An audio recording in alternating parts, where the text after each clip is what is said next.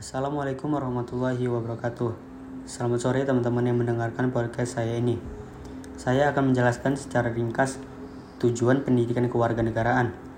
Tujuan pendidikan kewarganegaraan adalah menciptakan warga negara yang memiliki wawasan kenegaraan, menanamkan rasa cinta tanah air, dan kebanggaan sebagai warga negara Indonesia dalam diri para generasi muda penerus bangsa. Pendidikan ini tentunya harus dipadukan dengan penguasaan ilmu dan teknologi, sehingga terciptalah generasi masa depan yang kelak bisa berguna dalam pembangunan bangsa. Apa sih pentingnya pendidikan kewarganegaraan itu? Dengan pendidikan kewarganegaraan ini, para generasi muda diharapkan memiliki kesadaran penuh akan demokrasi dan HAM. Dengan bekal kesadaran ini, mereka akan memberikan kontribusi yang berarti dalam mengatasi berbagai masalah yang dihadapi bangsa ini, seperti konflik, dan kekerasan yang terjadi dalam masyarakat Indonesia dengan cara damai dan cerdas. Baik, kita bergeser ke topik selanjutnya mengenai individu. Apabila negara diibaratkan sebagai individu manusia, maka secara sosiologis individu manusia Indonesia akan dengan mudah dikenali dari atribut yang melekat dalam dirinya.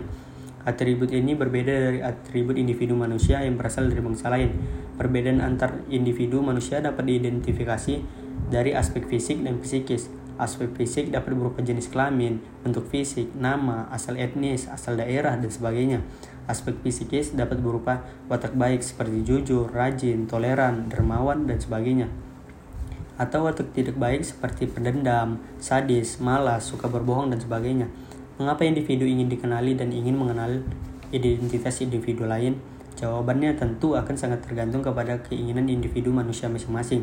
Mungkin antara individu yang satu dengan yang lain memiliki perbedaan keinginan atau tujuan. Namun, secara naluriah atau umumnya, manusia memiliki kebutuhan yang sama, yakni kebutuhan yang bersifat fisik atau jasmania, seperti kebutuhan makan dan minum untuk kelangsungan hidup, dan kebutuhan psikis, rohania, seperti kebutuhan akan penghargaan, penghormatan, pengakuan, dan lain-lain. Apabila disimpulkan, individu manusia perlu dikenali dan mengenali orang lain adalah untuk memenuhi dan menjaga kebutuhan hidupnya agar kehidupannya dapat berlangsung hingga akhirnya dipanggil oleh Tuhan Yang Maha Kuasa atau meninggal dunia. Demikianlah pentingnya identitas diri sebagai individu manusia. Cukup sekian yang bisa saya sampaikan. Assalamualaikum warahmatullahi wabarakatuh.